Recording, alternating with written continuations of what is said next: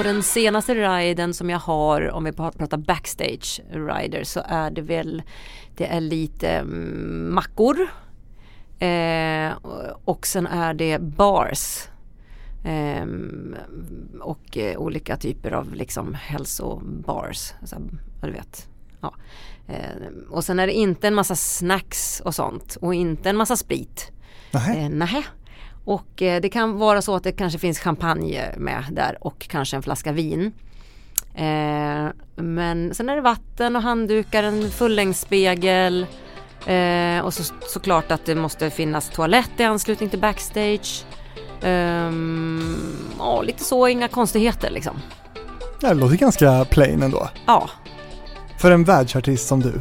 ja, jag har inte så Ja men alltså det, det räcker gott och väl för man hinner ju oftast inte, man är inte så mycket backstage men det här med champagnen och det, det är en eh, att det ska finnas någonting sånt lite extra det är mest för att Ofta så kan det vara så att man kanske bjuder in någon, att det ska vara någon journalist eller kommer någon från skivbolaget eller det är någon fan meet and greet grej och då är det fint att kunna bjuda på någonting sånt i logen liksom. Och då måste man ha bubbel.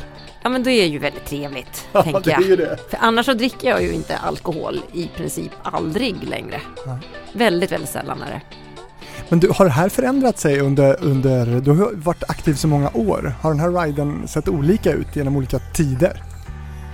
Ja, det har den gjort och jag har inte full koll på hur den egentligen har sett ut utan det har ju skötts från alla möjliga andra håll liksom. Det är inte förrän som senare, på senare år som jag på något sätt har tagit tillbaks kontrollen över mitt, min eget, mitt eget liv och min egen karriär liksom. Så nu vet jag vad det står i olika dokument om mig. Det ska vi prata vidare om också. Ja, Pandora, välkommen till Hitfabriken. tack så mycket.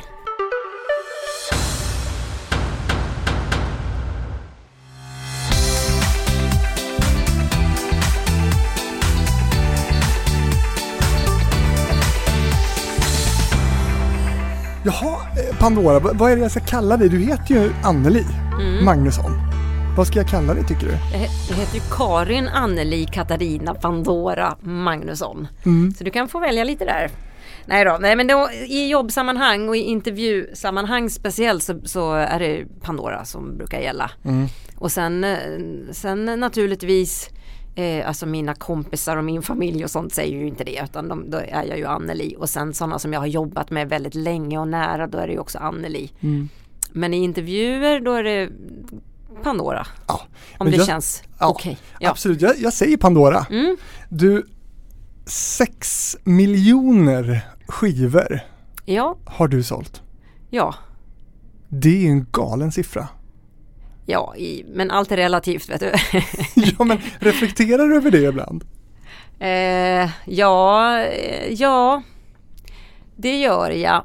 Eh, och eh, mm, alltså det är ju fantastiskt. Det är ju fantastiskt. Men, men det finns ju de som har sålt betydligt mer än vad jag har gjort. Och det finns de som har sålt betydligt färre också. Eh, och någonstans så tycker De flesta jag väl har att, väl eh, sålt färre. Tror du det? Ja, det tror jag. Kanske, i- jag, jag vet inte, jag jämför ju ofta med dem i min egen genre. Mm. Och där finns ju de som har sålt betydligt mer än vad jag har gjort. Men jag ligger ju på en ganska bra, så att, kanske topp tre, topp fem eller någon sorts plats. Och jag har ju också slagit internationellt. Vilket jag är, det är jag väldigt stolt över att jag faktiskt gjorde och så pass tidigt också. Mm. Annars är det svårt att sälja sex miljoner plattor. Ja, i synnerhet i Sverige. ja, precis. Men du, det är poddpremiär för dig också. Det är det! Hur kommer det sig? Ja men jag fick ju en sån fin förfrågan från dig här så att eh, det tackade jag ju med glädje ja till.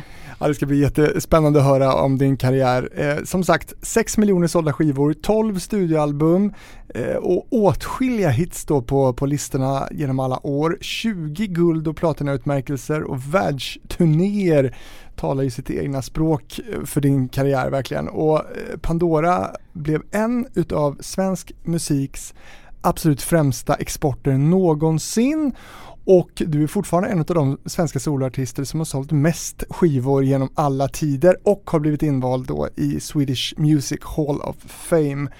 Det, det är fina ord man kan, man eh, kan läsa om dig och höra mig berätta om nu. Alltså om du skulle beskriva din karriär. Hur skulle du beskriva den för de som inte känner dig?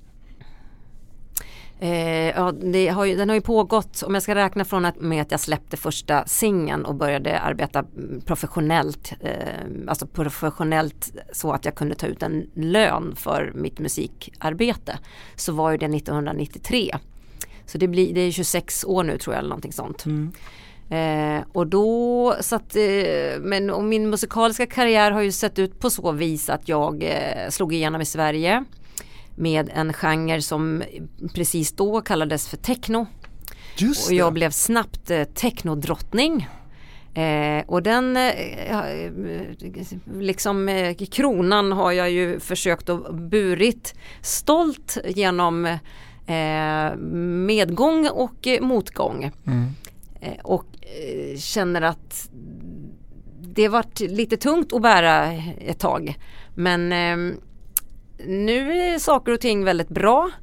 Eh, men om jag ska liksom prata om själva musikaliska karriären så har jag ju släppt då som du sa 12 stycken fullängdsskivor. Och det har ju handlat om, om eh, elektronisk musik hela tiden. Från, från techno som var lite mera To Unlimited inspirerad från början ganska, ganska hårt eh, mm. med den tidens mått mätt. Precis, för det är inte det man skulle kalla techno idag. Nej, precis. Och, och eh, sen så blev det lite mera, eh, det, alltså vi fick, vi fick ju många namn men eurodance, eh, eurodisco, eh, europop. Ja, när gick det från att vara techno skulle du säga till någon slags dance?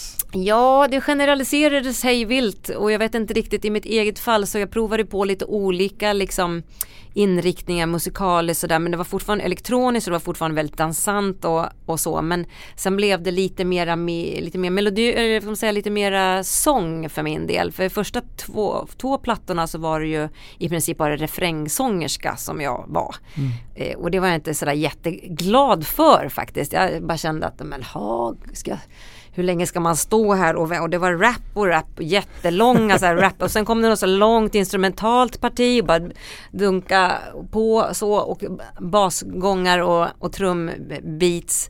Och så äntligen så fick jag sjunga refrängen liksom. Jag höll på att bryta ihop när man skulle köra det här live sen liksom.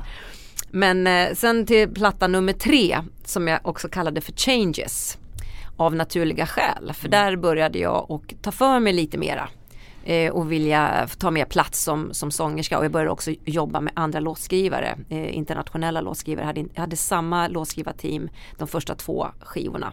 Och det, från och med tredje albumet så började jag blanda in andra och mm. jag hade också bytt skivbolag till Universal Music Tyskland. Och det var där någonstans det började ta fart ordentligt utomlands också. Det här är så intressant tycker jag, det här med att, att eh, genre kan byta eh, liksom, namn och inriktning som, som du började som technodrottning och blev någon slags dance-drottning. Jag tror att det är Petra Marklund, September, som, som uttryckte det också att, att hon har ju också fått byta genre. Hon har ju mm. alltid kallats för en dansartist. Ja. Eh, sen blev hon liksom pop. Ja, precis. Nej men det, det, blir ju det beroende på lite grann hur, hur man producerar musiken, liksom vilket håll man drar det åt. Och det där har jag ju hållit på med ganska mycket då, i och med att jag släppt 12 album. Jag har ju dragit i, i min musik åt alla möjliga håll och, och känt till slut att nej, men nu har jag liksom slagit knut på mig själv vad det gäller eh, hur, hur mycket kan man liksom laborera med den här typen av elektronisk dansmusik som jag håller på med. Det, det kan man ju göra hur mycket som helst men mm. jag kom till någon sorts punkt när jag kände nej nu eh, ska jag göra någonting helt annat. Mm. Så då spelade jag in en helt annan typ av platta som inte är släppt. Den du. Du, det har jag läst om och det ska vi också prata om men vi måste börja lite från början. Alltså mitt första minne av dig måste nog vara just Trust Me som, som då du släppte 93. Spelade säkert den i närradion där jag eh, jobbade då. Um, och så har ju du alltid funnits med på alla typ Absolut Dance-plattor ja, som man var... haft. Alla hade ju dem. Ja. Ehm, tänkte vi kunde börja där, alltså vad betydde det att vara med på de här Absolut-plattorna för dig? Nej men det var ju jätteviktigt. Eh, för det var ju liksom så här topp 5-10 bästa, liksom mest säljande låtarna som fick vara med ens. Och de sålde ju flera hundratusen liksom, de där, alltså styck. Mm. Så det var ju bra eh, royalties om man hade ett bra kontrakt. Mm. ja, Hade inte så- du det? Eh, alltså det var inte så jättebra var det inte och jag ägnade eh, väldigt många år åt att försöka förhandla om eh, och förbättra det där avtalet. Mm. Och det slutade i någon sorts, eh, ja, eh, numera är jag masterägare av de här tre första albumen. Mm. Så det var väl bra på sätt och vis. Men eh, det var det är hemskt mycket pengar som jag har förlorat på, på det här. På allt möjligt. På allt möjligt Ja, kan man säga. Men du, jag minns i alla fall väldigt tydligt eh, den här bilden på Trust Me-singeln. Det är ju många som har den och jag har nog den kvar också eh, någonstans. Mm. Eh, och den där klänningen känner man igen också. Det var min sjöjungfruperiod. Ja, var är klänningen idag? Den, vet du vad? Jag vet vad den är. Den ligger på en vind på hon som eh, stylade mig och gjorde min makeup för den videon. Mm. Så om hon hör det här så får hon jättegärna leta lite för jag har nämligen pratat med hennes före detta man som säger att den finns hemma hos henne i, i någon sorts låda tror hon på vinden. Ja, Så den är jag ju väldigt intresserad av att, att kunna få i min ägo på något sätt mm. igen. V- vad är den värd för dig? Känslomässigt så är den värd eh, mycket Mm. i och med att det var ju liksom, det vart så den vart så mitt på något sätt varumärke liksom. Mm. Jag vart ju någon sorts, ja men sjöjungfrudräkten brukar folk säga att jag hade liksom. Och sen gjorde ju Okej någon sorts eh, omslag, tidningen Okej gjorde ju ett omslag med mig som sjöjungfru. När jag ligger i en sjöjungfrudräkt. Och det var ju också en sån direkt eh, spin-off på den eh, bilden liksom. Mm. Ekonomiskt då? Ekonomiskt vadå? Har du betalt klänningen? Eller vad skulle du kunna Nej tänka dig att liksom betala bara, för? ja, men det kan jag inte sitta och säga här för då hör ju hon det. jag hoppas att jag bara kan få den, för den var inte, den var inte någon exklusiv på något sätt. Nej. Utan, och den var jättemycket för stor åt mig så att de satte ju någon sorts eh, klämmor liksom här bak för att den skulle se rätt eh, storlek ut på i, på, i videon. Ja, så att det är, det är inget märkvärdigt så är det inte.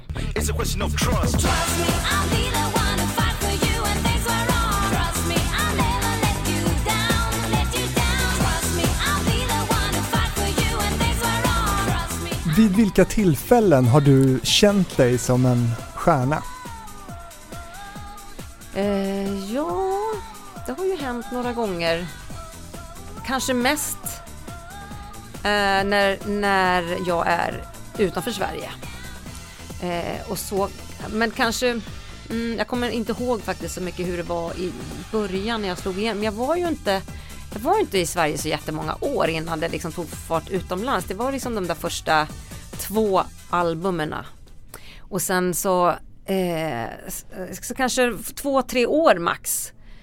Sen, sen fick jag så väldigt mycket att göra utanför Sverige så att jag, jag kom ju liksom av mig lite här. Och det var också ett medvetet eh, beslut som, som mitt, mitt tyska skivbolag Universal på den tiden sa att nu får du liksom förstå att, att om du släpper Sverige nu så kan det bli svårt att komma tillbaks hit.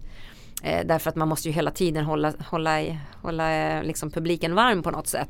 Men å andra sidan kan man inte vara överallt samtidigt och när hela världen lockade på det här sättet som det gjorde så, så tog jag ju den chansen naturligtvis och det har jag ju aldrig ångrat.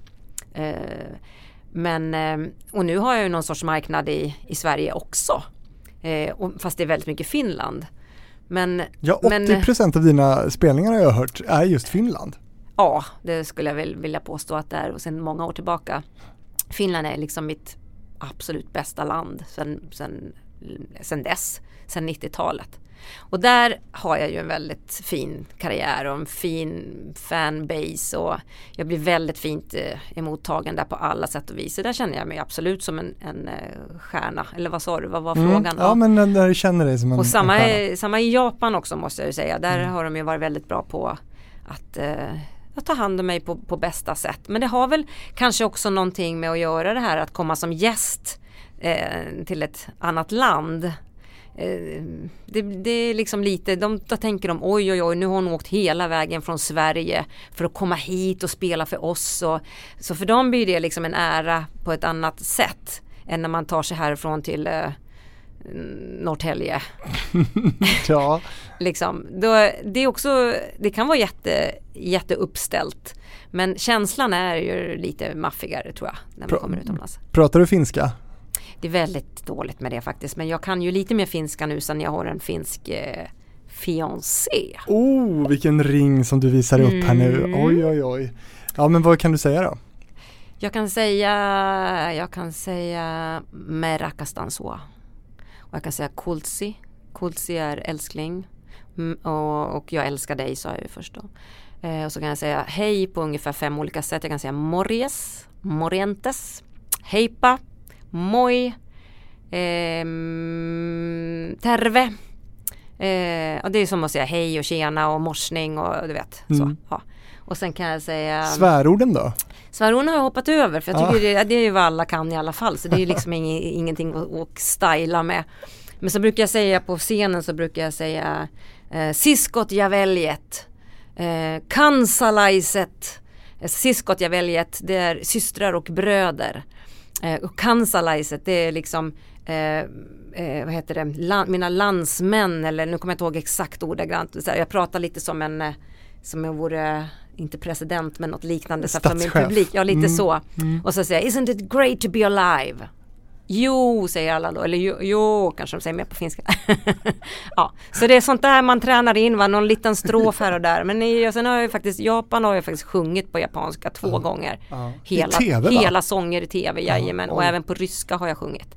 Tränat in den. Jag släppte en singel som heter Why Magistral och där sjunger jag även på ryska. Men det är ja lite så. Du, det är en diger samling låtar som jag gärna vill prata mer med dig om och som vi kommer beröra i den här, eh, det här avsnittet av Hitfabriken och längre fram ska vi också höra dig berätta om något som inte har varit så roligt i din karriär, tvärtom faktiskt. Men det tar vi lite senare. Ja, Du har ju, eh, du nämnde förut att det var, var poddpremiär för dig nu att vara med i en podd, men du har lyssnat på Hitfabriken. mm, det har jag gjort. Eh, jag lyssnade på Mejas avsnitt Ja. såklart för att hon är ju liksom samtida med mig på något sätt. Och, Och och varit vet- mycket i Japan också. Ja precis, vi har lite samma beröringspunkter sådär. Och så vet jag att vi träffades lite då och då. Eh, jag har något svagt minne liksom när vi båda slog igenom liksom i Sverige, var någon sån nattklubb, någon fest och lite så. Ja. Mm. Ja, men vad, vad, vad kände du eller vad, vad tänkte du när du hörde det avsnittet? Vad, vad har ni för gemensamma beröringspunkter? Karriärmässigt? Ja men det, det är ju att eh, slå igenom i Japan. Eh, alltså stort, slå igenom stort i Japan. Och sen eh, så pratade hon ju lite grann om eh, skivkontrakt och inte så bra avtal eh, och så vidare. Och vem har inte gjort den resan skulle jag vilja säga som har på något sätt varit i kontakt med, med musikbranschen på en professionell nivå. Det, det råkar vi ju ut för mer eller mindre allihopa. Två advokater ska man ha sa hon. Minst. Minst! Ja. Hur många har du nu? Hur många har nu? Jag har eh, Jag har väl en tre, fyra stycken Ja, som gör så. olika saker liksom, som är experter på olika saker. Ja. Det, är mitt, det är mitt team, jag har inga anställda. Så det är ju så, så har jag byggt upp det nu. Mm. Ja. Du ska vi ta oss till, till Trust Me, 93 då, mitt i Eurodance-eran. Eh, kan du bara lite kort bara berätta lite, vad hade föregått eh, precis innan Trust Me gavs ut? V- vem var liksom Anneli Pandora då? Då var ju jag en, eh, jag, jag pluggade, jag läste in tredje året eh, på gymnasiet, jag hade gått musikgymnasium. Och så eh, hade jag jobbat lite grann ett år eller två eller någonting sånt och sen läste jag in tredje året på komvux.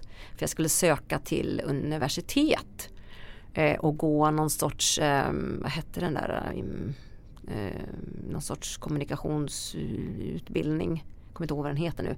Men eh, när jag gick på komvux så då gick ju Trust Me in på raka spåret på femte plats på Tracks som det hette och det var ju liksom den viktigaste radiolistan liksom. Jättestort, Kaj Kindvall Ja, mm, i precis. P3. Och, och jag hade ju inte släppt någon singel någonsin förut så, så för mig var ju det så här, eh, va? Femma bara? det, är väl ett, det är väl etta man ska vara? Ja, eller hur? Jag har missuppfattat något här. Och, och, och liksom de runt omkring med mina låtskrivare, producenter och skivbolaget, alla var så här upplösningstillstånd. Men fattar du inte, fattar du inte hur bra det här är? Du har gått raka spåret från noll till femte plats liksom. Det är jättebra. Jaha, ja, ja, nej men, ja, men okej, men då vill det vara kul. Och sen så klättrade den väl upp till andra plats tror jag om jag minns rätt. Jag vet inte om den blev etta. Men den tog ju en enorm fart och, Mm. och försäljningsmässigt och så, så sålde den ju guld direkt och så. Så det var ju liksom starten för mig. Och hur hamnade den hos dig då? Den hamnade eh, därför att, hos mig för att jag eh, hade ju de här tre producenterna då. Peter Johansson, Martin Ankelius och eh, Henrik Andersson från Västerås. Som eh, alla kom från Västerås och, och eh, två av dem bodde ju där eh, samtidigt som mig. Eh, och en av dem då, Peter, han hade kontaktat det musikgymnasiet Karl Forska eh, musikgymnasium som jag gick på och frågat om det var så att det fanns någon sångerska där som eh, han kunde få ta kontakt med för de behövde en till sina demolåtar. Eh, och då eh, så, så, så, ja, på så sätt så fick jag kontakt med honom för en lärare kom och sa till mig att nu är det en kille här som söker en sångerska med lite attityd i rösten och vi tycker att det, det borde passa dig. Så så kom jag i kontakt med dem och då hade ju de skrivit liksom lite låtar som en, äh, det var väl inte någon världshit bland de där första låtarna. Men sen så vart de ju duktigare och duktigare att skriva och jag började liksom hitta formen på något sätt. Hur sjunger man den här typen av musik? För, för på, på det gymnasium som jag gick så var det ju inte den här genren som man höll på med. Den fanns ju knappt. Den var ju liksom ny. Så jag höll ju på med, med liksom jazz och klassisk musik och sådana där saker och hade även någon sorts eh, inte karriär men jag höll på väldigt mycket och sjöng i olika coverband, så rock, rock och funk, soul, sånt. Spelade på gatan, spelade trubadur, hade lite kafégig när jag stod själv med gitarren och spelade Cornelis Vreeswijk och sånt där. Eh, och, så att jag var ju liksom inte riktigt eh, det skavde lite på något sätt eh, att sjunga den här typen av musik för att den kändes inte igen för mig. Det var nytt. Ja, det är långt från Cornelis kan man ju säga. Det är ju det. Mm. Och så just det där att jag bara skulle sjunga refränger hela tiden var jag liksom lite störd över. Men det var ju så det var liksom. Det var ju så det skulle vara. Vad tyckte du när du hörde Trust Me första gången då? Jag tyckte att den var jättebra. Eh, men men det, det liksom Det var ju som en helt annan känsla att sjunga den typen av musik än att, än att sjunga svenska visor eller eller eh, Johnny Cash eller sånt eh, amerikansk folkmusik, Dylan och sånt som jag gärna älskade att sitta och spela i min lägenhet liksom på taket. Jag hade ett litet tak utanför mitt köksfönster där jag satt och spelade för, för, för de som ville höra liksom i det här huset och på gatan och överallt. Eh, så det var ju liksom, jag var ju väldigt intresserad av texter och melodier och texter som berör. Och, och eh, det, det här var ju liksom något, det här var ju mer kommersiellt syfte plötsligt så att jag fick ju deala lite med det eh, på något sätt. Men eh, sen sådär 10 år senare och så 25-26 år senare som det är nu så eh, älskar jag ju mina låtar. Mm. Jag älskar att jag kunnat vuxit med dem. Att jag kan sjunga Trust Me idag med eh, en annan typ av, eh, vad ska man säga? Alltså nu är ju säcken, eh, vad säger man, hopknuten. Ja, ja. Ja, nu har jag liksom gått det här varvet från att vara ung tjej och eh, ja, inte, inte eh, kunna någonting om den bransch jag liksom kastades in i till att ha så här pass många års erfarenhet. Eh, så att idag när jag sjunger Trust Me så har jag liksom, jag kan luta mig bakåt, jag kan liksom verkligen mena att mig kan ni lita på i alla fall och jag kan säga det till mig själv också för det har varit en fråga för mig själv. Så här, liksom lita på andra det är ju en sak. Men kan jag lita på mig själv? Var står jag liksom? Vad har jag, tag, har jag gjort? Har jag funderat på det? Var står jag i olika sammanhang och i olika, vad tycker jag om, om saker och ting egentligen? Så, den resan har jag gjort och det har, det har det ganska klart för mig nu för tiden. Terapi? Ja, det har jag, oj oj oj, jag har nog betat av en hel del olika tera- terapeuter. Terapeuter och advokater. Dina bästa vänner typ. De är bra att ha dem, ja verkligen. Ja men det lät lite så när du, när du pratade om att liksom hitta sig själv lite. Att, Ja. att våga lita på sig själv och vem man är och vad man står för. Ja, ja men det, är- det är oerhört förvirrande att slå igenom internationellt, Mm. alltså att slå igenom överhuvudtaget är väldigt förvirrande när man är ung.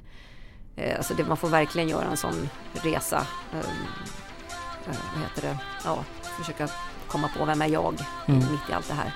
Men en annan eh, stark singel ifrån första plattan det var ju Come on and do it. Mm.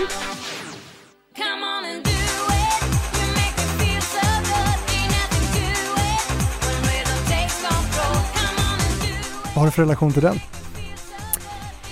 Eh, ja, men alltså, det, det första jag tänker på det är ju när vi höll på att spela in videon för att eh, det var ju ett evighetsprojekt. Jag tror vi höll på i typ två dygn. Berätta, de, de som inte kommer ihåg videon, berätta om den. Ja men det är ju någon sorts, eh, vi är i en industrilokal men det kanske man inte ser i, i videon. Och sen är det ju en av mina dansare liksom håller på med en cykel, han ser ut som en cyk- cyklist, professionell cyklist. Eh, och eh, så den där cykeln är liksom eh, så och han eh, stackaren på cykla. Apollo hette, kallades han för som Fredrik heter han. Eh, Fredrik Apollo. Han var dansare åt Leila K eh, innan jag träffade honom och han liksom började dansa med mig sen och så fick han vara med i den här videon. Och det var svinkallt och vi höll på i två dygn och fick knappt någonting att äta. Så det var väldigt tröttsamt på många sätt men vi körde på va och det vart ju bra till slut och jag står där och vevar med armarna för jag hade aldrig någon aning om hur jag skulle röra mig till den här musiken. För att den låg ju liksom inte naturligt för mig. Så, att, det- så det var ofta så här regissören kunde säga men det är bara kör, kör, lyft armarna bara kör. Det sa de när jag spelade in Trust Me också, bara men gör något med armarna, så upp och liksom bara släpp loss, släpp loss. Ja men jag kan inte. Och i Trust Me så står jag ju som en, jag står ju helt stel där för att jag, jag vågar inte röra mig. Jag förstår inte hur man ska släppa loss. Nej, usch vad Man hemskt. känner sig bara dum Ja. hela tiden och lite generad och sen är det ju som 12 personer som, som, som är med i det här äh, filminspelningsteamet liksom som man aldrig har träffat förut och som man plötsligt ska bara vara helt naturlig med. Och det är man ju inte i början alltså. Men hur I, kändes det att stå där då? Hemskt! Det var så hemskt. Eh, Jag var så stel och var så nervös och jag tyckte det kändes inte bra det här. Men medans idag, jag tänkte faktiskt det när jag spelade in min senaste video som var 2012. eh, då gjorde vi två videos på två dygn. Ah, jag kommer inte ihåg vad den hette den eh, som jag släppte. Den kanske finns med i min bok här. Ja, Men Pandora har gjort så mycket så hon kommer inte ihåg jag nämligen måste sina, alla sina titta här vad den låtar. hette för någonting. Och nu kikar vi i diskografiboken här kan och ser.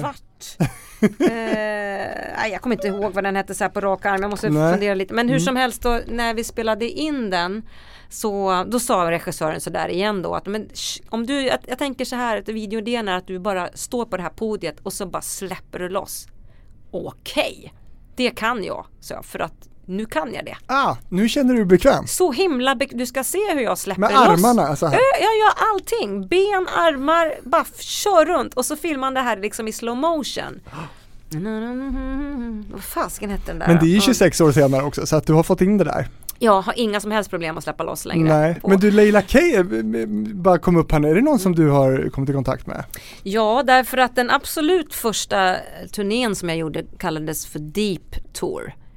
Och det var Vito Ingrosso. Jag tror att det var Vito och Emilio Ingrosso, eller var det Vito bara kanske, som var liksom arrangör för den här äh, turnén.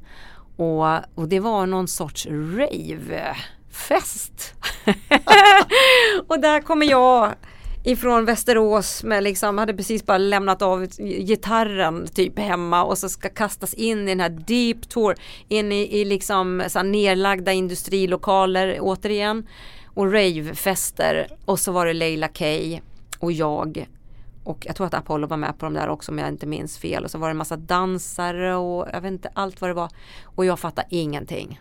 Jag fattade ingenting av den där världen, den var också helt, helt ny för mig och, ehm, och Leila var ju med såklart och hon var ju liksom eh, apcool.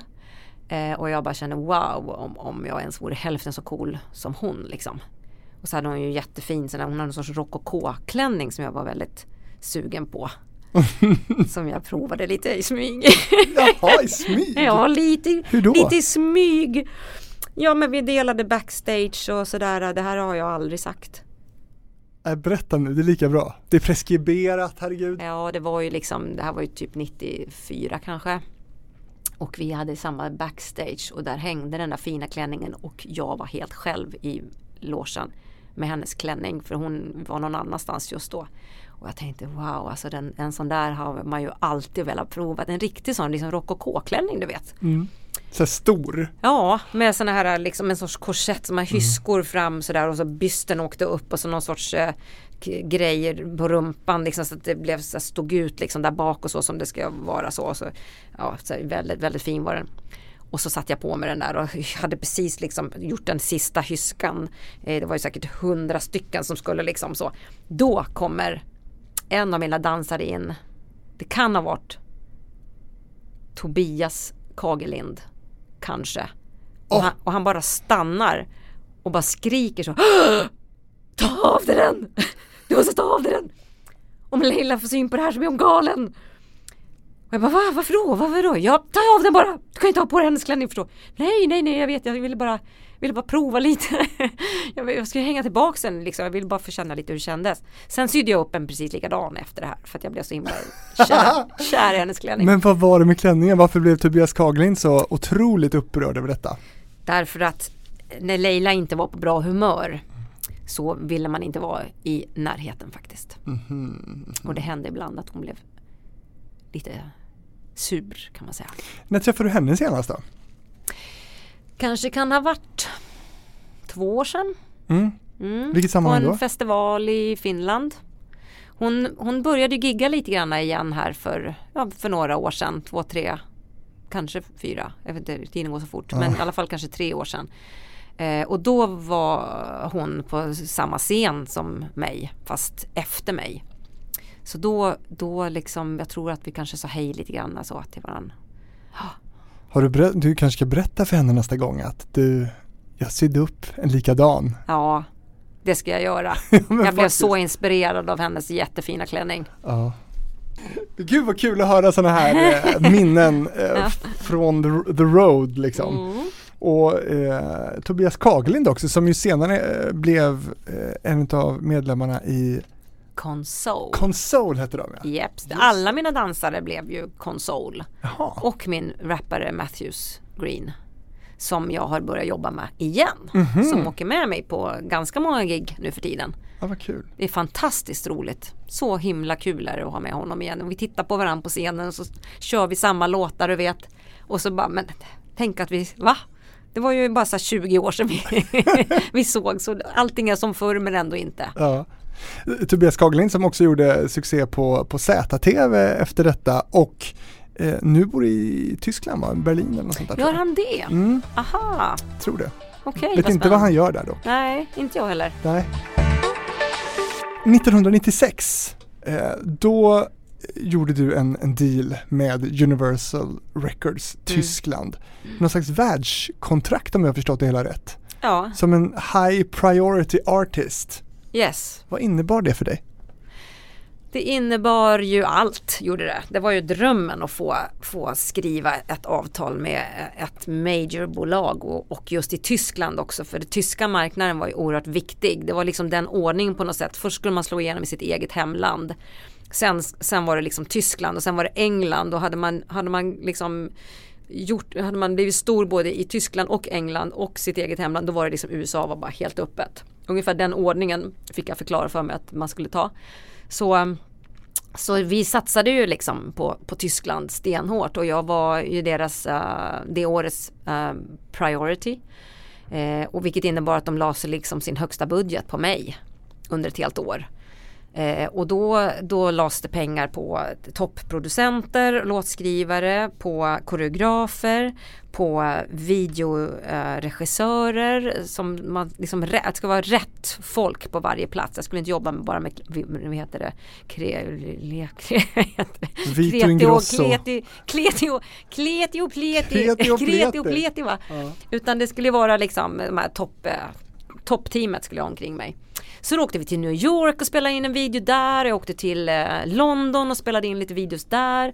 Jag jobbade med, med brittiska låtskrivarproducenter, Metro Production, som eh, inte var särskilt kända just då för att de gjorde mest remixar.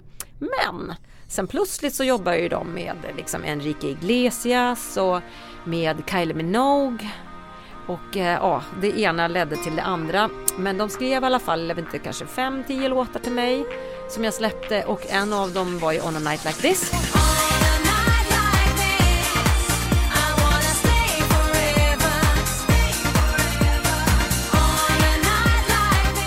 Just det! Mhm. Och den hamnar liksom på villovägar. Den hamnade hos Kylie Minogue också sen jag hade släppt den. Och jag hade släppt den på en platta som heter No Regrets i Japan. Och under den tiden så gick det tydligen väldigt bra för mig plötsligt i Australien för där har jag fått en hit med A Little Bit, en remixversion av A Little Bit. Så den sålde liksom 100 000 och då skrek Universal i Australien att vi måste ha en uppföljare, vad, vad har ni? Ja men vi har den här On a Night Like This heter den, den tror vi på. Och så skulle vi släppa den där. Och då släpper Kylie Minogue den 1998 på självaste eh, sommar Olymp, eh, vad heter det? Olympics eh, 1998 tror jag det var. Jag älskar den låten. Ja, jättebra. Och den är ju identisk då med min version.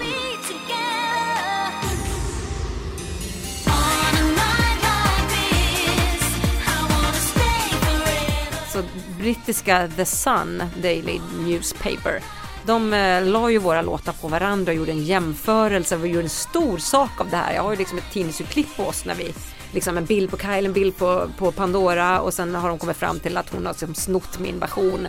För den skrevs till dig va? Ja, det gjorde den. Men vad jag fick veta sen från skivbolaget var att eh, de, det var tydligen några kontrakt som inte var underskrivna mellan mitt skivbolag och producenterna så de tyckte att de kunde få göra vad de ville med den där låten. Mm. Vi liksom ge bort den till en annan artist bara så tog de chansen då. Eh, så så var det liksom, så, så blev det. Men hur är det där med låtar? Nu, nu är jag ju väldigt oinsatt här inser jag, men jag måste ändå fråga, alltså, kan, inte, kan man inte göra covers eh, oavsett vem som har släppt en artist, alltså, eller släppt en låt? Kan inte vem som helst göra en cover? Jo, en cover kan man göra, men i det här fallet så var det liksom inte en cover, utan mina körer är ju kvar till exempel. Och Det var en rip-off. Det var liksom. en rip-off, Mm. precis. Och sen kom det ju i samma veva, det var lite för, för tajt in på min eh, liksom, inspelning. Mm. Så, så det förstörde ju någonting för mig i och med att vi hade tänkt att släppa den då i Australien, där hon är liksom som störst. Så det kunde ju inte jag göra då. Sen var jag jättesur i fem år. Yes, Har du träffat Kylie? det har jag inte gjort. Tänk att ni har mycket att prata om ni två. Ja, kanske eller inte alls. Hon, hon vet förmodligen inte ens om detta skulle jag tro. Men ändå, det här var kul. Då har man i alla fall någonting, en, liksom en, en, eh, en icebreaker. Då har man något att prata om. Ja, tack. Tack Kylie kan jag säga. Ja. Men du åkte ju till Japan första gången här någonstans då 96 också. Mm. Hur var det då? Ja, det var ju, var ju väldigt eh, speciellt. Jag tror att det var till och med var 95. Ja det kanske det var. Ja, nå- 95, 96 någonstans där. Ja. Första albumet som du släppte där sålde 700 000 ex. ja, det var galet. Galet mycket. Och jag sålde liksom 25 000 i veckan. Eh, alltså för, så här, förhandsordrar på eh, liksom 50 000 och 200 000 och jag vet inte allt. Men eh, varje vecka så ringde mitt skivbolag i Tyskland och sa "Åh! Guess what? Nu har du, nu, nu, nu har vi skeppat, skeppat eh, 25 000 till! I Japan! Bara! Och sen var det ju liksom resten av världen och du vet sådär. Men just Japan var ju så otroligt ivriga på, på mig på alla möjliga sätt. Så då skickade de dit mig alldeles själv. Helt I en ensam? hel månad. Ja. Jag fick åka själv från Sverige till Japan. Hade aldrig varit knappt utomlands. Jo, jag tågluffade lite, jag hade gjort det i Europa men in- inte liksom sådär. Eh, och så kom det 14 stycken japaner och mötte mig på flygplatsen. Och de här 14 stycken japaner, det var från mitt skivbolag. Eh, de gick med mig som en skock får i ja, typ en månad faktiskt. Jag var där en hel månad. Och på alla dessa radiointervjuer, vi- det- första resan som jag gjorde gick ut på att jag skulle säga hej till Japan liksom. Jag träffade så här, topp radioproducenter, tv, eh, mediamoguler, eh, fans, eh, nattklubbsmänniskor, alla liksom, hela branschen för att presentera mig. Så sa jag konnichiwa minasan, panchan des, hej allihopa det är jag som är Pandora. Panchan, det blev mitt eh, smeknamn. Mm, coolt ju. Ja. Så, så, så, gick, så höll jag på i en hel månad och jag längtade hem så fruktansvärt mycket och jag ringde ifrån eh, mitt rum från den fasta telefonen.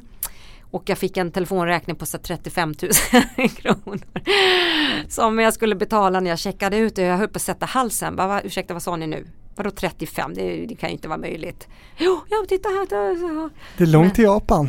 Ja, och det kostade väldigt mycket att ringa från hotellet. Men det, jag hade ju ingen ens en mobiltelefon på den tiden. Nej nej, det var innan Instagram liksom, Ja, det var det. kan man säga. Men skivbolaget sa att snälla du, vet du vad, vi tar den här åt dig för att du har jobbat så hårt. Så, men nästa gång kan du tänka för typ.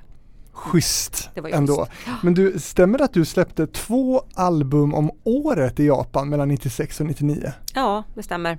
Två album om år i Japan och sen så gjorde jag ju då en väldans massa promotionresor och turnéer däremellan. Gjorde liksom en, en ordentlig turné när jag hade med mig hela bandet. Då var vi också så här 14-15 pers som åkte i sällskapet och mitt band och, och tekniker och sådär från Sverige. Dansare, rappare, allt, alltihopa. Så gjorde vi kanske åtta större så här, konserthus som tar mellan 3 och 5 tusen pers ungefär, den, den nivån var det.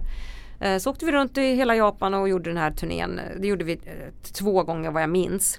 Sen däremellan så gjorde jag ju en massa gig också bara med, med mina dansare och min rappare. Och sen åkte jag bara själv med dansare när jag inte hade rap. För ju, ju längre tiden går här nu så börjar jag plocka bort rap ifrån mina låtar. Så att eh, då fanns det liksom ingen vits att ha med sig en rappare på giggen så. Men du har varit i Japan mer än 20 gånger. Ja. Typ 20 tror jag har varit där faktiskt. När var du där senast? 2008. Mm. Mm. Det börjar bli ett tag sedan. Ja, jag tycker att det börjar bli dags att åka dit igen. Ja. Går jag och tänker lite grann. Hör du någonting av Japan och de japanska fansen idag?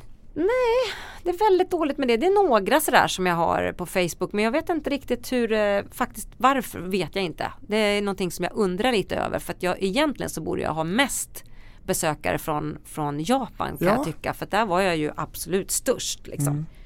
Jag sålde ju eh, ba, ba, enbart i, i Japan så sålde, har jag sålt eh, runt två miljoner. Eh, är vad min A&R har, har sagt. Alltså, hur mådde du där? Jag tänker, mm, snuddade du någon gång vid någon utbrändhet eller något sånt? Ja, det var ju spännande att du frågade precis det för att det, det var väl exakt det som hände. Eh, jag, jag, jag fick någon sorts mag, eh, liksom sjuka fast jag hade, hade liksom bara kramp i magen. Det hände liksom ingenting annat än att jag kunde inte kliva upp ur sängen. Eh, och så var jag i tre dygn eh, på hotellet och eh, till slut så sa min A&amppr att du, du måste ju få en doktor. Ja tack, det hade jag velat haft första dagen tack. Men ja, så då skickade de dit en doktor och jag fick någon sorts B-vitaminspruta och, och någonting mera för att jag skulle komma på benen igen och då blev jag väl ganska så, så frisk. Men du ska ju inte tro att jag liksom inte behövde jobba de där tre dagarna när jag hade eh, den här magåkomman utan då, då fraktade de mig till skivbolaget så fick jag ligga för han kom på där med min A&amppr som jag för, för övrigt gillade för han gjorde ett fantastiskt jobb. Eh, men eh, ja, då kom han på att jag kan ju faktiskt ligga på deras soffa där på skivbolaget. Ja, Ja, för ligga ner kunde jag göra vad som helst. just det. Så jag låg där på soffan i tre dygn med den här magkrampen eh, och gjorde alla dessa intervjuer. Liksom. Det är ett digert schema kan jag säga när man är där. Men det gick ju det med. Och den där japanska skolan, på något sätt så är jag glad att jag har, har, gått den. Jag brukar, jag brukar vara stolt när jag berättar att jag har liksom gått i den japanska skolan som artist. Mm. För att där får man lära sig eh, vad det handlar om det här arbetet på riktigt. Eh, tycker jag. Och att ta det på allvar liksom. Man kan inte hålla på att komma för sent och man kan inte hålla på mm, liksom hålla på. Och mitt uppe i det här så, så turnerade du runt och uppträdde då med två av mina favorit Pandora-låtar. Mhm. Nämligen Don't You Know och Tell the World. Jajamensan. Berätta om Don't You Know. Eh, Don't You Know är ju en, eh, där, det, det som är grejen med Don't You Know det är egentligen basgången. Att det, det svänger om, om basen liksom. Och jag vet att killarna höll på med den där eh, liksom, basgång, Att det, liksom, det var en plan med att det skulle vara en, en på något sätt melodiös liksom, basgång som det skulle svänga, svängas om. Man försöker ju, i, i den här typen av musik som jag befinner mig i så är det ju det är liksom hookar, det är eh, basgångar, det är eh, eh liksom catchiga refränger. Det är, det är sådana där saker som man bygger det på. Men beats, alltså det ska ju vara en bra, det ska ju gå att dansa till. Don't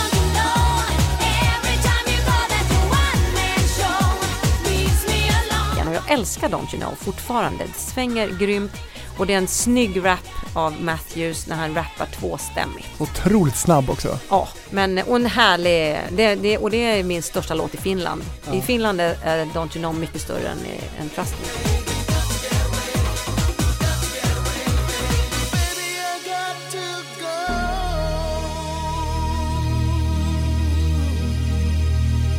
Tell the World är ju en annan bra låt och den är ju lite långsammare. Ja, Fast coolare tycker jag. ja, och när den gjordes då var det lite inne med, med lite sådär reggae-pop Tell the world right. och Ace of Base och sådär. Liksom. Då skulle man gå ner lite i, i BPM så. Sen är det väl kanske 80 någonting, 5 och 4 BPM eller någonting sånt.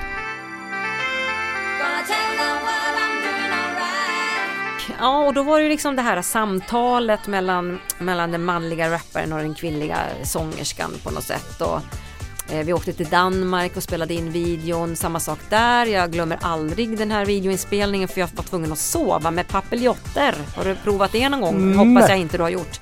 Men eh, det är hemskt kan jag säga. Men eh, det vart ju ett bra resultat då. Jag tycker jag har gjort ganska bra videos ändå, alltså i jämförelse. Det finns några av mina kollegor som jag tycker kanske jag har kunnat kosta på lite bättre eh, liksom kvalitet sådär. Det vart ju någon sorts kvalitet, liksom lite sådär eh, jag vet inte, i slutet på 90-talet så kom det så väldigt mycket väldigt mycket musik som eh, på något sätt blev någon sorts våg eh, som kom i den här, eh, vad kallar man det för, Kölvattnet. kölvattnet av oss som var i tidigt 90-tal.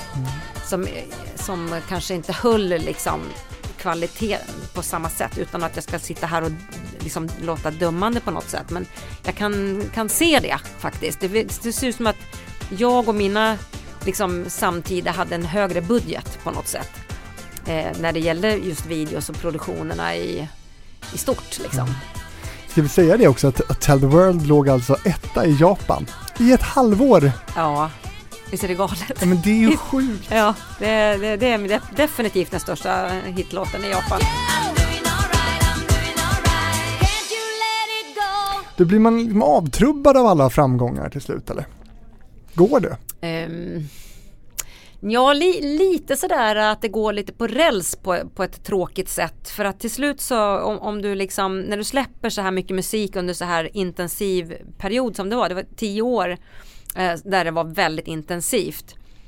Och då, då blir det liksom, ja, någon, någon låt blir en hit i det där landet och någon annan låt blir en hit i något annat land. Och så plötsligt är du i Mexiko och står på en, arena för 60 000 pers. Och sen direkt från det eh, så sätter du ett plan och så åker du till Tokyo och så gör du någonting. Och sen så sticker du till New York direkt därifrån. Du åker aldrig hem emellan utan åker till New York för du ska spela in den här videon till den där nästa singel som ska komma på nästa album. Och så liksom, det finns ju en plan som skivbolaget har för dig som rör sig liksom kanske tre år framåt redan. Så de har liksom en strategi.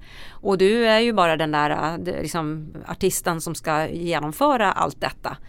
Eh, så, att, så lite avtrubbad blir man ju men in, inte på ett liksom diva-sätt utan mer bara för att du har liksom aldrig tid att, att njuta av framgången. Vilket känns lite trist kan jag tycka idag.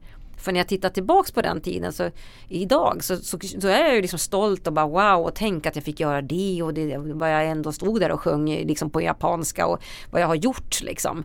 Men då, då var inte det, då var det mest bara så, "Åh, hjälp jag ska stå och sjunga på japanska här och hur ska det här gå? Jag kommer aldrig att klara det här och sådär stress, stress, stress liksom. Och så låg man där med den där B-vitaminsprutan i rumpan och, tyckte synd om sig själv liksom. Men du, har du någon Pandora Barbie-docka då? Jag har ju inte det men det, det gjordes ju faktiskt. Eh, och eh, det var ju då när A Little Bit succén var i, i Australien. Men jag, åkte, jag var ju, gjorde ju en turné i Australien nu eh, 2017 eh, som var ju galet roligt alltså. Åh vad det var roligt. Och då försökte jag få tag på den där eh, Barbie-dockan men den finns ju inte. I alla fall lyckas inte jag få tag på den. Men, eh, men det var fantastiskt. Det var D- eh, Alice DJ, Fragma, jag, eh, så var det någon mer eh, DJ-akt. Eh, som gjorde, vad gjorde vi, sju, åtta gig eh, runt omkring i hela Australien då. Mm. Vi hoppar fram till i början av eh, 2000-talet. Då bestämmer sig då Sveriges eurodisco-drottning för att vara med i Melodifestivalen. Eh, inte bara en gång utan två och då hade du varit borta från Sverige länge. Ja, typ åtta år om jag minns rätt. Ja, någon sån här 8-10 år har jag också räknat ut. Alltså, Melodifestivalen och Pandora, berätta hur hamnade du där till slut? Därför att eh, Bert Karlsson tyckte att jag skulle vara med i Melodifestivalen. Så det var han som kontaktade mig och, och typ sa det att jo du ska vara, du ska vara med i Melodifestivalen, klart du ska vara med i, i Melodifestivalen. Jaha, ja men det, det, det fixar jag. Ja, vadå fixar du? Ja men det fixar jag. Nej men vänta, vänta, vänta, vänta. Bert Karlsson och du Mm. måste stå jättelångt ifrån varandra, tänker Ty- jag. Ja, det gör vi ju också. Ja. Men, eh, men han eh, hade fått för sig att jag skulle vara med där. Jag kommer faktiskt inte ihåg så mycket mera än det och på något sätt så, så tyckte jag att ja men det kanske är det som ska vara min comeback nu i, i Sverige liksom. Mm. Jag börjar där för det är, ju, det är ju bra att vara med i Melodifestivalen. Och det var vi 2003 då, då Fame vinner med Give Me Your Love, också Precis. Bert. Precis, Mm. han hade mycket, många artister med det, det året. Eh, och eh, ja men och jag, jag vann ju inte. Jag blev ju en av de där fem typ. Och sen är det två, två som bara försvinner och, och eh, två som går vidare. Eller, eller var fyra som, jag kommer inte ihåg hur himla hur det där systemet var. Men först så var jag liksom med av de här fem som på något sätt eh, syns i bild. Och sen, sen försvann jag i bild. Och då var det liksom, och så en till försvann. Så var det två eller någonting, tre kvar. Kvar, ja. ja. Jag kommer inte ihåg hur det gick till. Men låten hette You och den var skriven av Jan Johansen och Shirley Clamp. Ja, jättefin låt var det. Ja, och jättefint nummer gjorde jag också. Jag tyckte jättemycket om låten eh, för att det var en väldigt fin, en fin, fin låt. Jag gillade prodden, jag gillade texten. Hur presenterades den för dig? Eh, ja, det var väl som det brukar att den skickades till mig och så lyssnade jag på den och, och sa att japp, det här gillar jag, det här vill jag, jag vill testa att sjunga in den liksom med min röst. Och så åkte jag till studion. Men då var det ju, eh, vad heter han i Style? Tommy Ekman? Tommy Ekman som, det var hans studio på något sätt. Så det var han som spelade in mig eh, till den här låten. Okej. Ja, och Men det är långt ifrån eurodisco du. Väldigt långt, men jag hade ju fått för mig att nu ska jag göra lite mer poprock liksom. Back to the roots, det där uh, musiklinjen, tjejen på något sätt. Eh, för att jag tyckte att jag har gjort så himla mycket elektronisk musik. Jag ville liksom spela lite mera med liveband och liksom lite mera, ja, lite annat. Jag ville testa någonting annat. Så hela den skivan eh, var ju i den stilen sen. Ehm, Men You var, jag lyssnade på den häromdagen tror jag, eller jag såg framträdandet från Melodifestivalen med dig där. mm. Svårsjungen va? För den ligger så högt känns det som. Ja, och så lägger du på nerver på Ja. det sen. Jag var, jag var helt skräckslagen ska jag säga. Jag var så rädd för alltihopa. Hela tävlingsmomentet, att jag skulle trampa på den här klänningen som var lång. Att jag inte skulle komma upp, för att när man är nervös så kan man inte knappt andas vet du. Och så skulle jag komma upp på den där höga, långa tonen och ligga kvar där och bara upp, eh, nu sjunger jag fel ton men i alla fall. Ja, du fattar. Ja, gud. Ja, men jag, jag kände verkligen med det där för den, den kändes väldigt, väldigt hög. Eh, så, så att, eh, men och sen då, eh, ja du gick ju inte vidare då till, till final och så, inte till andra chansen. Men eh, 2004 kommer du tillbaka igen, det var året då Lena Philipsson vinner med Det gör ont. Du framförde Runaway.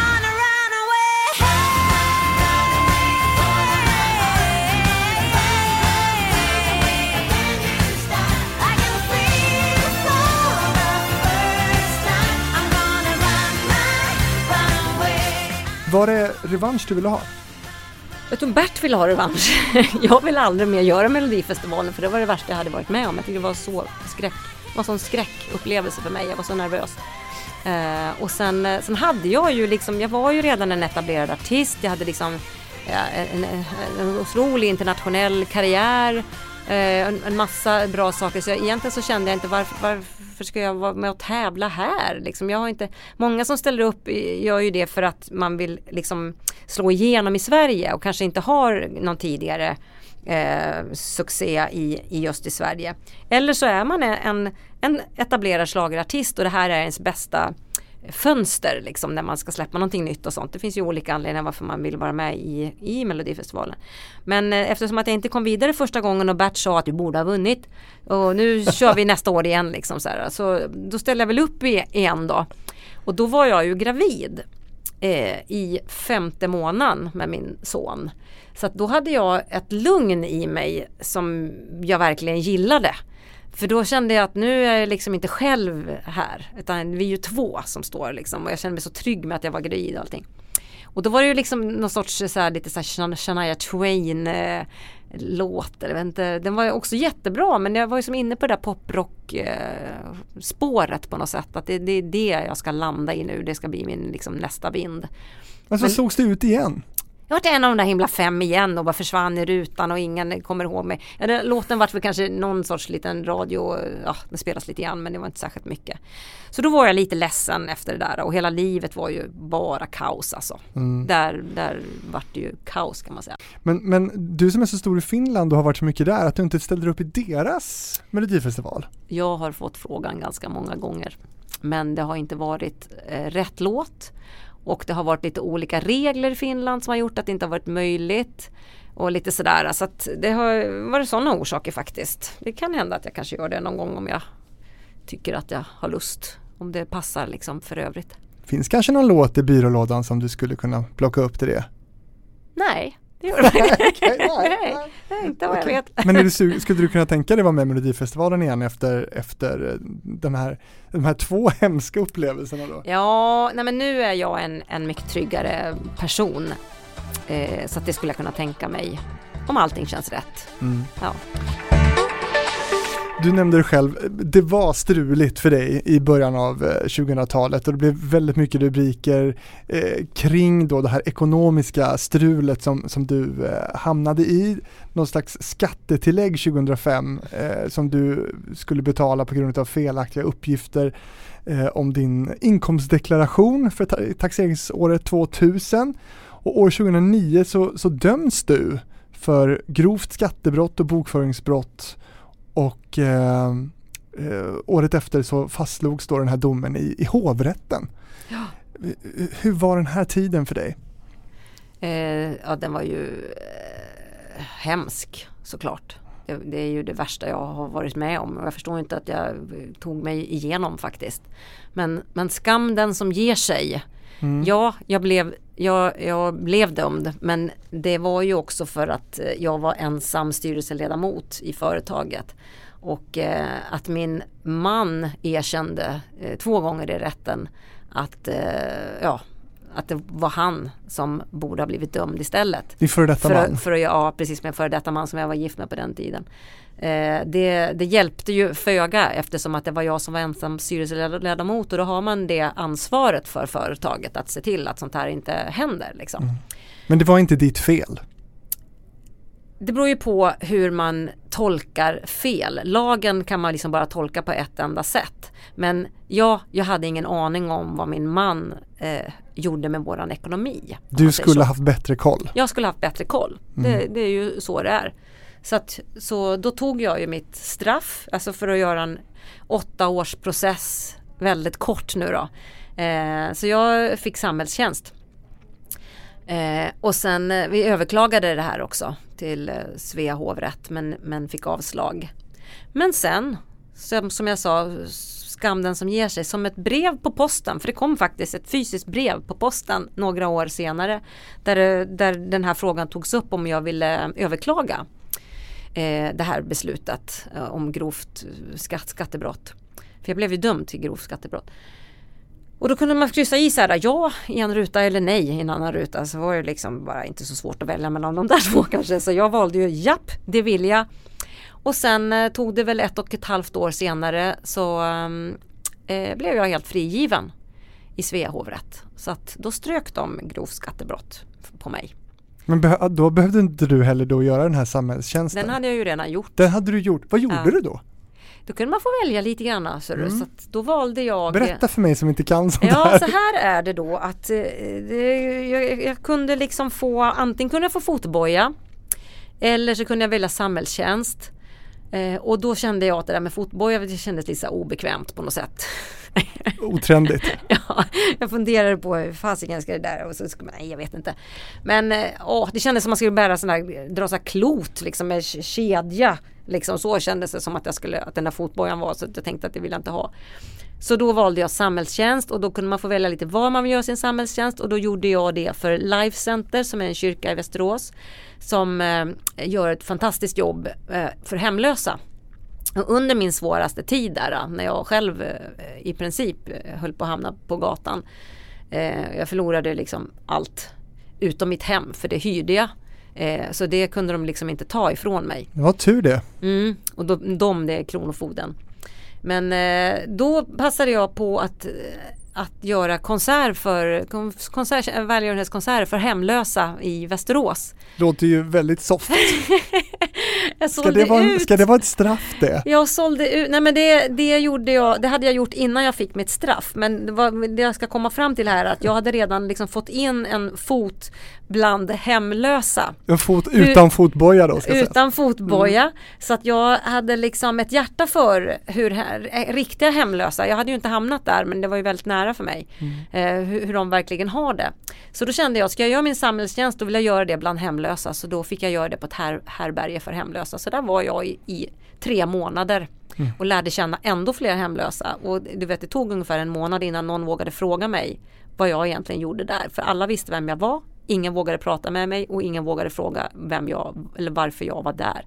Ända tills en person eh, faktiskt frågade. Som jag kollade på tv med varje dag. Kunde så- de inte läsa tidningen bara? Jag vet inte, de kanske inte gjorde det. Men då frågade han, vad, vad gör du här egentligen Pandora? Ja, eh, samma som du förmodligen. Så, jag, jag, gör samhällstjänst här. Äh, lägg av! Det gör, det gör jag, jag gör samhällstjänst. Alltså, och så börjar vi snacka liksom. Så jag började berätta min historia, hur det kom sig att jag hade hamnat där liksom. Eh, och han berättade sin historia. Och så var det en ganska spännande tid. Eh, liksom att få se livet ur det här perspektivet också på något sätt. Att få lära sig hur rättsväsendet funkar. Att få vara på rättegångar när du plötsligt är dömd för någonting som du eh, som jag då upplever att jag inte har gjort. Men, men, eh, men lagen sa någonting annat. Och, Som du skulle haft koll på jag skulle enkelt. haft koll Ja. på det. Precis som en, ja, men liksom, det går inte att gardera sig mot allting. Liksom. En bank kan ha hur mycket larm som helst, det blir inbrott i alla fall. Liksom. Eller vad heter det, inte inbrott utan Men du, lär, rån. men du lärde dig någonting av det här? Ja det gjorde jag. Jag lärde mig att saker och ting händer utanför ens egen kontroll. Mm. Man kan eh, försöka ha så mycket kontroll som det bara går och gardera sig mot saker och ting. Och du vet hur det känns när polisen knackar på dörren? Ja, det vet jag och läser upp alla ens namn och talar om vad man är liksom misstänkt för. Eh, det var ju som en filminspelning. Eh, jag trodde inte det var på riktigt. Sen höll jag på att svimma och sen skrek jag bara rakt ut. Och sen, sen rullade en historia som tog mig 8 till 10 år upp. Den började där liksom. Och skilsmässa? Jag skilde mig på direkten. Gud, vilken, vilken, man blir ju väldigt berörd när du berättar om det här. Alltså, hur, hur tog du det upp liksom? Ja, hur tog jag mig upp? Det var ju också en ganska lång eh, process liksom. Jag försökte att, att bli sjukskriven. Jag tänkte att någonting, jag måste ju, jag måste bli sjukskriven. Jag går till vårdcentralen och frågar om de kan skriva ut någon sorts recept till någon sån här, kanske en terapeut eller någonting. För att så här, jag, jag, jag, jag, jag mådde ju inte bra liksom. Jag fungerade ju egentligen inte. Men då tyckte hon, sköterskan där, att jag skulle åka på spa-weekend. Sa hon. Hon la handen på min axel och sa, men skulle det inte vara lite skönt om du åkte på spa? Ja fast nu är det ju så att jag har ju inga pengar va? och det var ju det jag började hela med berättelsen här med att berätta att jag har ju ingenting därför att min man har typ förskingrat allting. Och spa, det är dyrt det. Spa är jättedyrt så kanske du kan skriva ut någon sorts, eh, ja sån här, jag vet inte vad det kallas för när man får någon sorts re- recept och gå till en terapeut. Men jag fick inte det. Och då tänkte jag vad kan jag göra annars då som är billigt? Vad kan jag få hjälp som är, är gratis? Och då var det en av, av de här kyrkorna, för när jag gjorde konsert för hemlösa då, då gav jag ju, skänkte jag ju alla pengarna till eh, kyrkor och, och olika organisationer som just jobbade nära hemlösa då, då som jag öronmärkte de pengarna till just hemlöshet. Så där kom jag i kontakt med kyrkor och de har ju, eh, en del av dem har i alla fall själavårdare. Och själavård tänkte jag, det är ju precis vad jag behöver. Vad kostar det då? Ja men det kostar ju ingenting, så det här är ju en kyrka liksom. Det, ju, det kostar ju inget. Eh, nej, okej, bra. Då, jag, då, jag kommer liksom, när kan jag komma? Och så fick jag boka en tid och sen eh, så satt vi där och pratade om, om livet liksom. Ur ett, ur ett sånt perspektiv liksom. Blev du frälst? Eh, jag tror att jag blev frälst mycket, mycket tidigare i livet. Jag tror att jag blev frälst egentligen när jag var typ 9-10 år. Men sen har jag någonstans liksom glömt bort det där och, och eh, ja, in, eh, ja, försökt att jag har haft svårt att identifiera mig med vem skulle jag vara som kristen liksom. Och, ja, med kyrkan och kristna människor, jag vet inte, jag tycker det verkar så himla pretto liksom. Så där tyckte jag i många år, jag bara kände att jag kan inte identifiera mig alls.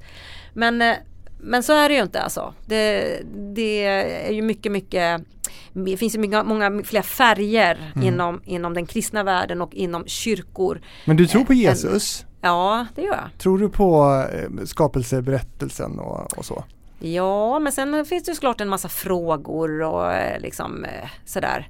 Och jag har ju inte gått någon liksom, bibelskola så. Jag kommer ju inte från ett kristet hem eller någonting utan jag har ju bara accepterat att jag, det här är min tro. Mm. Ja men grunden i kristendomen, alltså Mm. du tror på att, att eh, den här jorden är skapad av, av Gud? Ja, det gör jag.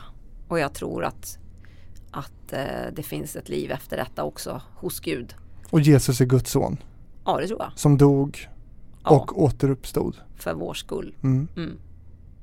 Wow, vilken, vilken berättelse! Men känns det inte lite befriande att tänka så att det kanske är Jo, så men det jag- funkar Jag liksom? tror att många skulle vilja Ja. vara religiösa och tro eh, på någonting. Men att Det är inte så lätt alltså Nej. att, att tro och, och det är lätt att tveka också men jag känner att i- nej, nu har jag bestämt mig för det. Jag har verkligen sökt alltså i Mm. alla möjliga religioner och, och så men, men inte känt att jag blivit något klokare eller fått något lugn liksom att ja, men här, det här kan jag landa i förrän jag eh, ja, men bekände mig själv som kristen och ja, döpte mig gjorde jag också. Vuxendop gjorde jag, det var hur, hur fantastiskt som helst. Eh, 2007. I, I smyg. Jag ville inte att någon skulle veta det liksom. Jag bjöd in några av mina närmsta vänner. Men det var fantastiskt. Och jag behövde det. Jag behövde det så väl. Därför att någon förklarade för mig att i, i dopet så sköljer man liksom bort allt det där gamla och det börjar ett nytt liv. Och då kände jag att det här är precis det jag behöver. Jag vill bara bort med den här skiten som har varit det var så mycket eh, liksom, jobbiga saker ända sedan jag var barn. Liksom, som jag eh, har hållit på och tragglat med. Som jag känner att, att jag känner mig på något sätt eh, att jag behöver få börja på nytt. Hur gör man det då? Ja, och nu sitter vi här 2019 och du eh, och ditt bolag då Pandora AB är ju på fötterna igen. Du omsätter omkring en miljon varje år. Ja, kan du trot. Men det är ju fantastiskt. Och jag sköter det själv för första gången. Och du har också då spelat in den här skivan på temat Vem kan man lita på? Mm. Eh, som inte är utgiven än. Vad sa du, spelat in den här skivan? Ha, eller har du inte gjort det? Eller är det en låt? Nej, det är inte en skiva utan det är en föreläsning. Det är en för, ja men har du inte gjort jag- någon musik till den också? Eh, jo, fast det, det, är en, det är ett helt eget album som inte är utgivet. Ja, Eh, och den har egentligen inget namn mer än att jag kallar mig för Anneli. ja. Och sen eh, låtarna, eh, tre, fyra låtar från det, det är ju självbiografiskt det här och, och eh, så. De sjunger jag i den här föreställningen för att de, för föreställningen är ju också väldigt självbiografisk. Det handlar ju om min resa helt enkelt. Men när den- släpps den här? Man blir jättenyfiken. Ja, jag vet. Jag tror att jag ska försöka få ut den. Jag ska göra en föreställning i Malmö i vår. eh, På Victoriateatern. Och då kommer jag ju att göra den här eh, Trust me, vem kan man lita på föreställningen och sjunga de här låtarna bland annat och väva in även mina Pandora-låtar och hela historien om min eh, makalösa mitt makalösa liv liksom. Du- Så mycket av det där som ingen eh, vet om egentligen. Jag tror att det här är helt rätt. För Vet du, folk känns- älskar de här personliga berättelserna och, och eh, erfarenheterna som du eh, har med dig. Och ehm, ja, jag vet inte om man tittar på det, om man ser en, en, en världsartist, en ekonomisk brottsling och liksom en frälst. ja, ja men eller hur, vilken härlig tjej du har framför dig. Helt Vilket otroligt! spektrum! Mångfacetterad. Ehm, Pandora, Ja, jättekul har det varit att få träffa dig. Det hade, tack vi, hade, detsamma Fredrik. vi hade nog kunnat prata ännu längre, Ja, men, det hinner ju inte nu. Nej, det är lite synd för att jag är ju inte klar än. Alltså. Nej, jag förstår det. Det får bli en del två efter du har släppt den nya skivan kanske. Ja, det hoppas jag. Det Då har vi kul. helt andra saker att prata om. Då. Ja. Du, hade inte du någon överraskning till mig? Du, vänta här! Jag har tagit med mig ifrån Kungsör. Oj, oj, oj. Oj, oj, oj. Man gillar ju överraskningar. Det här Mm. är någonting som jag bara ger. Jag, jag har ju inte haft sådär jättetur med, med, med vissa män i mitt liv. De Nej. där som jag har liksom valt. Eh, Men eh, nu har jag liksom blivit lite mer noggrann med det. Så att jag eh, har tagit fram en produkt som jag dedikerar till den mest pålitliga killen i publiken. Och idag är ju inte du, du är inte publik utan det är ju du som har bjudit in mig till det här programmet. Men, men det är en ära förstår du att liksom eh, få ett par sådana här för att det är inte vem som helst som får gå omkring i ett par Trust Me kalsonger. Trust me kalsongerna! Gud vad fina! Så att du vet att när du drar på dig de där då har ju du ett visst ansvar Ansvar, va? ja. ja, då ska jag tänka på dig. Ja. Eller hur vi ser det. Men du vet vad, här, vi måste ta en bild med de här och Ja. eh, jag behöver inte ta på mig dem, men vi kan ta en bild med dem och lägga ut det på, eh, på Hitfabriken på Instagram. Så att man får se de här fina. ja Tack eller- så jättemycket! Ja men det var min, min ära, my pleasure. Och tack för att du kom hit. Tack själv. På fabrikspost.gmail.com kan man komma i kontakt med mig om man har frågor eller synpunkter eh, eller vad som helst egentligen. Bara positiv kritik helst. Det är roligast så. Tack så mycket för att du som lyssnar har lyssnat om två veckor, ett nytt avsnitt av Hitfabriken.